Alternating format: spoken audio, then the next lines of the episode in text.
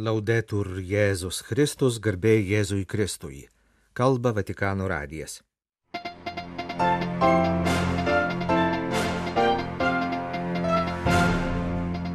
Popiežiaus užuojauta per potvinius Italijoje žuvusiųjų artimiesiems. Popiežiaus valstybės sekretorius dalyvavo Reikjavike vykusiame Europos tarybos viršūnių susitikime. Italijos jėzuitų žurnalas apie bažnyčią Kinijoje. Medžiugorje nėra šventovė, tačiau kas ten lankosi vedamas nuo širdaus pamaldumo, tas sulaukia malonių, sako popiežiškasis vizitatorius arkivyskupas Aldo Cavalli. Vatikano astronominė observatorija kviečia į virtualų turą po jos istorinės patalpas. Pastarosiomis dienomis centrinė Italija užklupusi blogų orų banga sukėlė didelio masto potvinius, per kuriuos ketvirtadienio duomenimis žuvo devyni žmonės. Buvo padaryta labai daug materialinių nuostolių. Popiežius Pranciškus per savo valstybės sekretoriaus pavaduotoją arkivyskupą Edgarą Penę Parrą perdavė užuojautos ir padrasinimo žinę labiausiai nukentėjusio regiono žmonėms.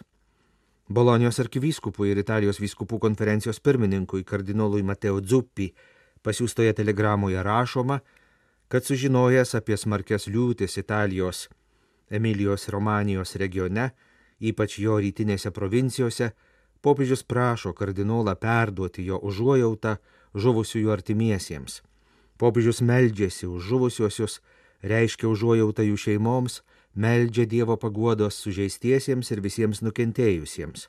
Popiežius taip pat reiškia padėką visiems, kurie šiomis sunkiomis valandomis stengiasi padėti nukentėjusiems.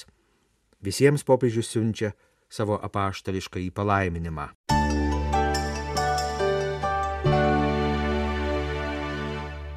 Negalime pasyviai susitaikyti su tuo, kad agresija prieš Ukrainą tęsiasi.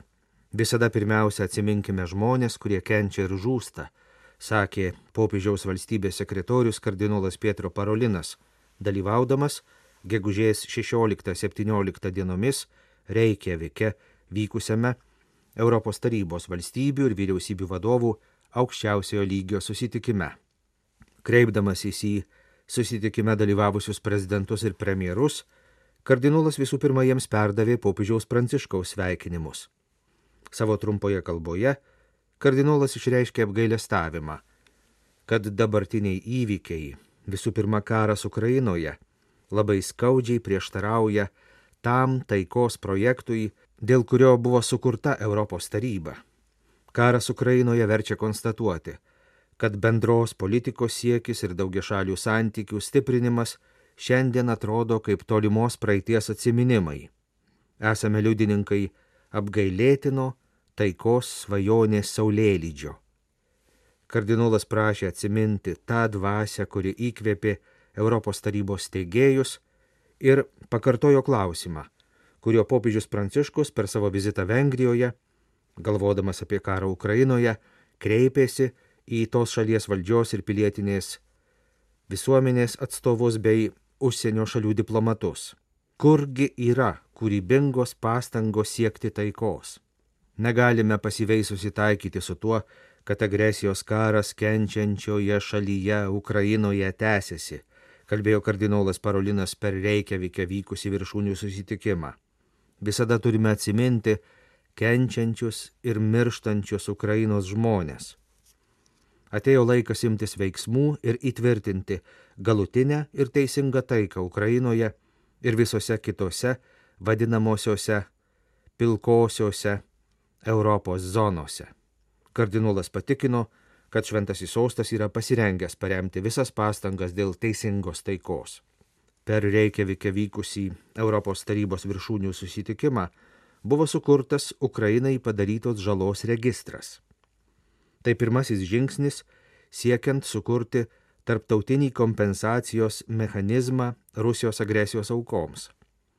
Tačiau ne visos valstybės pritarė registro sukūrimui. Prieš balsavo Armenija, Azerbaidžanas, Bosnija ir Hercegovina, Vengrija, Serbija ir Turkija. Kiekvienu atveju kad ir nesulaukęs visuotinio pritarimo, Ukrainai padarytos žalos registro sukūrimas yra labai svarbus faktas, bylojantis apie tarptautinės bendruomenės pasiryžimą siekti, kad būtų atkurtas teisingumas, kuris buvo grubiai pažeistas Rusijai užpuolus Ukrainą. Islandijos ministrė pirmininkė Katrin Jakobsdotir pabrėžė, kad Europos taryba gali ir turi imtis atsakomybės šioje srityje. Ukrainai padarytos žalos registro sukūrimą labai palankiai įvertino Reikjaviko susitikime dalyvavęs Ukrainos premjeras Denisas Šmihalis. Pasak jo, tai pirmas svarbus žingsnis, kuriant tarptautinį nuostolių atlyginimo mechanizmą, kuris padės atkurti teisingumą. Tačiau pastangų galutinis tikslas turi būti specialusis tribunolas. Tai bus visų bendras indėlis į teisingą ir naują pasaulio saugumo sistemos kūrimą.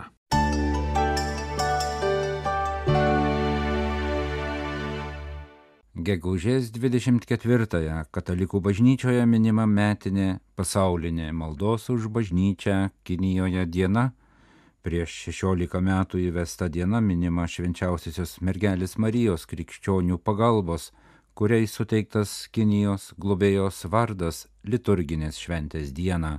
Kinijos katalikai šią progą tradiciškai dalyvauja švenčiausiosios mergelės Marijos krikščionių pagalbos atlaiduose Šešano Marijos šventovėje Šanhajuje, Kinijos liaudės Respublikos rytuose. Romoje prieš keletą dienų jėzuitų žurnalo La Civilta Katolika būstinėje Vila Malta pristatytas veikalas bendrinė kinų kalba popiežiaus pranciškaus magisteriumas. Veikalo autorius ir minėtojo žurnalo redaktorius tėvas Antonijo Spadaro pristato pagrindinius popiežiaus mokymo dokumentus - tris enciklikas ir penkis apaštališkuosius paraginimus. Tekstai taip pat paskelbti žurnalo interneto svetainėje kinų kalba. Veikalas skirtas ne vien tikintiesiems, bet ir netikintiesiems. Tai yra visiems geros valios žmonėms. Juo siekiama paskleisti žinę, jog visi gali semtis iš popiežiaus mokymo, kad taptų geresniais žmonėmis ir piliečiais, gebančiais darbuotis dėl visuomenės gerovės, vertinančiais sielą ir gyvenimą kilninančias vertybės, pažymėjo tėvas Antonijo Spadaro. Veikalą gegužės 13 dieną Fatimos švenčiausiosios mergelės Marijos šventės dieną pristatė Romos kardinolas Luis Antonijo Taglė, buvęs Manilos arkivyskupas, kurio protėviai kilę iš Kinijos. Pasak kardinolo, šiuo metu Romoje einančio evangelizavimo dikasterijos proprefekto, atsakingo už pirmojo evangelizavimo kraštus ir naujas vietinės bažnyčias pareigas, veikalas apie pranciškaus magisteriumą kinams yra reikšminga dovana. Kinai su dėkingumu priims šį veikalą. Tai yra meilė, kinai katalikai su jautrumu ir betarpiškai seka ir vykdo pastoracinius nurodymus bažnyčios Romoje ir jos vyskupo siunčiamus jų bažnyčiai. Kinai katalikai didžiai vertina popiežiaus mokymą, apaštalo Petro įpidinio magisteriumą, jo siūlymus ir gairias, kinai katalikai priima kaip tikrą dovaną ir konkrečios bendrystės su visuotinė bažnyčia ženklą patikino veikalo pristatymę Romoje kardinolas Taglė. Veikalo apie popiežiaus magisteriumą autorius tėvas Antonijos padaro jo pristatymo išvakarėse žurnale La Civilta Katolika išspausdino interviu su Hongkongo katalikų vyskupu jėzuitu Peteriu Čiausaujanu apie jo vizitą Pekinė prieš keletą savaičių. Jo metu atkurtus dviejų katalikų viskupijų Hongkongo ir Pekino santykius, taip pat apie Kinijos katalikų lūkesčius dėl neseniai pratesto, nepaviešinto Vatikano ir Kinijos liaudės Respublikos valdžios susitarimo dėl viskupų skirimo. Vyskupas nepritarė minčiai, kad jo vizitas į Pekiną buvo istorinės reikšmės. Hongkongo ganytojas sakė, jog jam šis apsilankimas buvo 1994 metais kardinolo Vų vizito Pekine pratesimas. Vizitas buvo tarsi tiltas, nutiestas tarp dviejų viskupijų. Pagrindiniai vizito rezultatai yra užmėgsti asmeniniai Hongkongo ir Pekino vyskupijų ganytojų kontaktai ir bendradarbiavimo projektai įvairiose sferose, sakė Hongkongo vyskupas. Naujausi potvarkiai kontinentinėje Kinijoje dėl vyskupų skirimo ir perkelimo įvykdyti be šventojo sosto sutikimo nereiškia, kad Vatikano ir Kinijos valdžios laikinasis susitarimas dėl vyskupų skirimo yra miręs.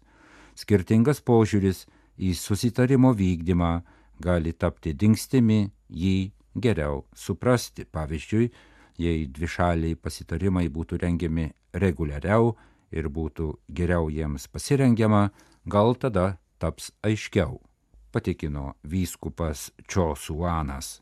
Nors nėra socialinių apklausų duomenų apie Kinijos katalikų nusistatymą laikino susitarimo klausimų, tačiau Hongkongo vyskupo įsitikinimu, iš to, ką jis patyrė vizito Pekinė metu, didelė dauguma Kinijos katalikų yra lojalūs popiežiui Pranciškui ir vilėsi, kad laikinasis susitarimas suteiks trokštamas permainas jų bažnyčiai.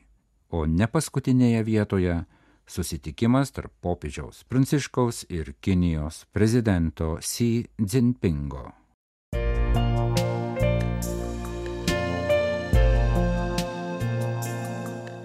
Jūs klausotės Vatikano radio.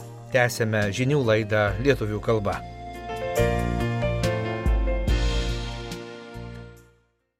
Apaštališkasis vizitatorius Medžiugorijas parapijoje, arkivyskupas Aldo Kavally, italų katalikų spaudai duotame interviu papasakojo apie savo darbą ir apie lūkesčius susijusius su neseniai popiežiaus įsteigta institucija, kuri turi tirti tariamus ar galimus apsireiškimus bei ypatingas malonės, kurių žmonės sulaukia tokiuose vietose kaip Medžiugorija. Katalikų bažnyčia nori, kad būtų surasti bendri kriterijai, kuriais remiantis būtų galima terti visus pranešimus apie apsireiškimus, sakė arkivyskupas. Jis paaiškino, kad šiuo tikslu ir buvo Vatikane įkurta observatorija, kurios užduotis atidžiai išnagrinėti liudijimus apie galimus apsireiškimus. Taip pat svarbu padėti tikintiesiems, kurie nežino, kaip reaguoti į žinias apie galimus ar tariamus ant gamtinius reiškinius. Pasak arkivyskupo visiškai suprantama, jog žmonės nori, kad jiems kažkas pasakytų, ar tie dalykai turi ypatingą dvasinį turinį ar ne. Kalbėdamas apie liudijimus, apie bažnyčios nepripažintus apsireiškimus Medžiugorėje, arkivyskupas Aldo Kavaldį sakė, kad jau senokai buvo pradėta juos tirti, tačiau kol kas nėra informacijos apie šio tyrimo eigą. Paklaustas apie popiežiaus požiūrį į Medžiugorėje, Arkivyskupas sakė, kad Pranciškus džiaugiasi, kad tai yra maldos vieta.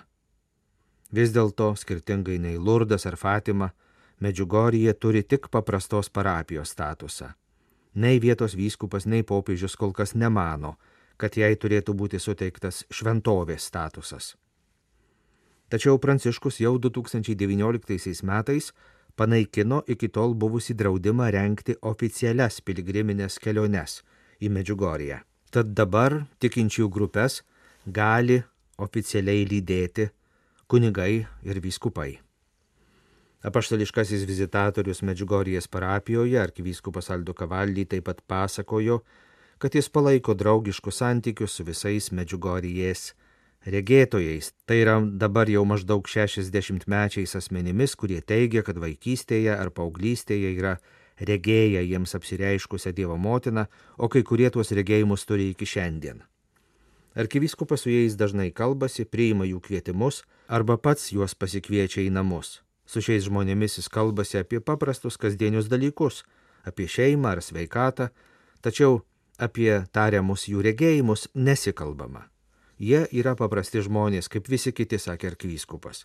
Pasak jo, čia ir glūdi paralelė su Lurdu ar Fatima, kur irgi Dievo motina regėjo paprasti normalūs vaikai.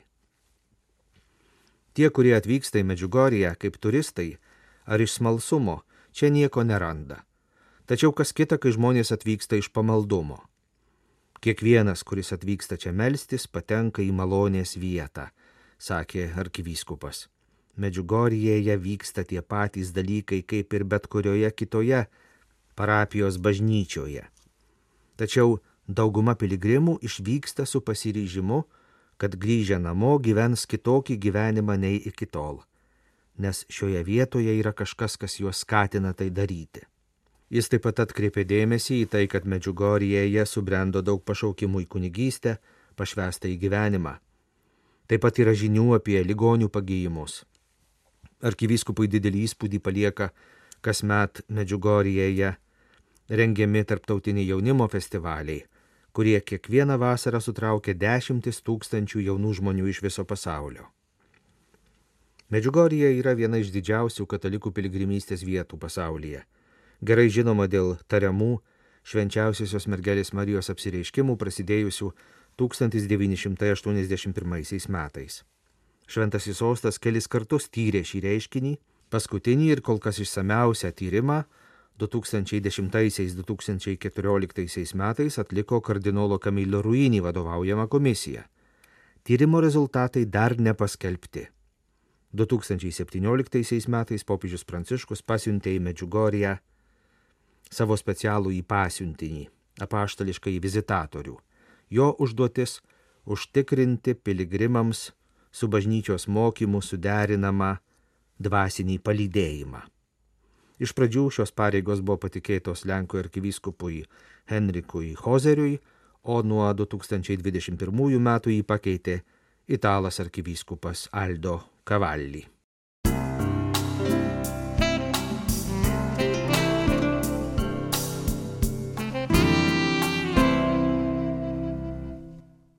Vatikano astronominė observatorija sukūrė virtualų turą po savo senąją būstinę, esančią Kastelgandolfo popiežių vasaros rezidencijoje. Per virtualią ekskursiją galima aplankyti parodą, pristatančią Vatikano observatorijos istoriją, galima virtualiai patekti po kupolais ant popiežiaus rūmų stogo ir susipažinti su astrografu ir teleskopu, kuriuos savo stebėjimams prieš dešimtmečius naudojo popiežiaus astronomai. Į virtualią ekskursiją galima patekti iš pagrindinio observatorijos interneto svetainės puslapio. Vatikano astronominės observatorijos istorijos pradžia siekia XVI amžių, Grigaliaus XIII kalendoriaus reformos laikus, kuomet jėzuitų ordino nariams popiežius patikėjo užduoti atlikus naujus tikslius stebėjimus ir skaičiavimus, ištaisyti per šimtmečius susikaupusią kalendoriaus klaidą. Naują Vatikano astronominę observatoriją 1891 metais įkūrė popiežius Leonas XIII. 1934 jos teleskopai buvo perkelti į popiežių vasaros rezidenciją Kastelgandolfo rūmus. Šiandien ten likusi veikti tik istorinė observatorijos dalis ir archyvas, o visiškai nauja, didelė ir moderni Vatikano observatorija 1993 metais buvo atidaryta Junktinėse valstijose, Arizonos dykumoje.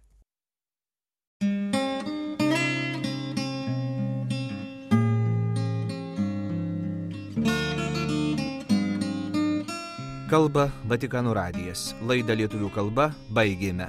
Garbėjai Jėzui Kristui, laudetur Jėzus Kristus.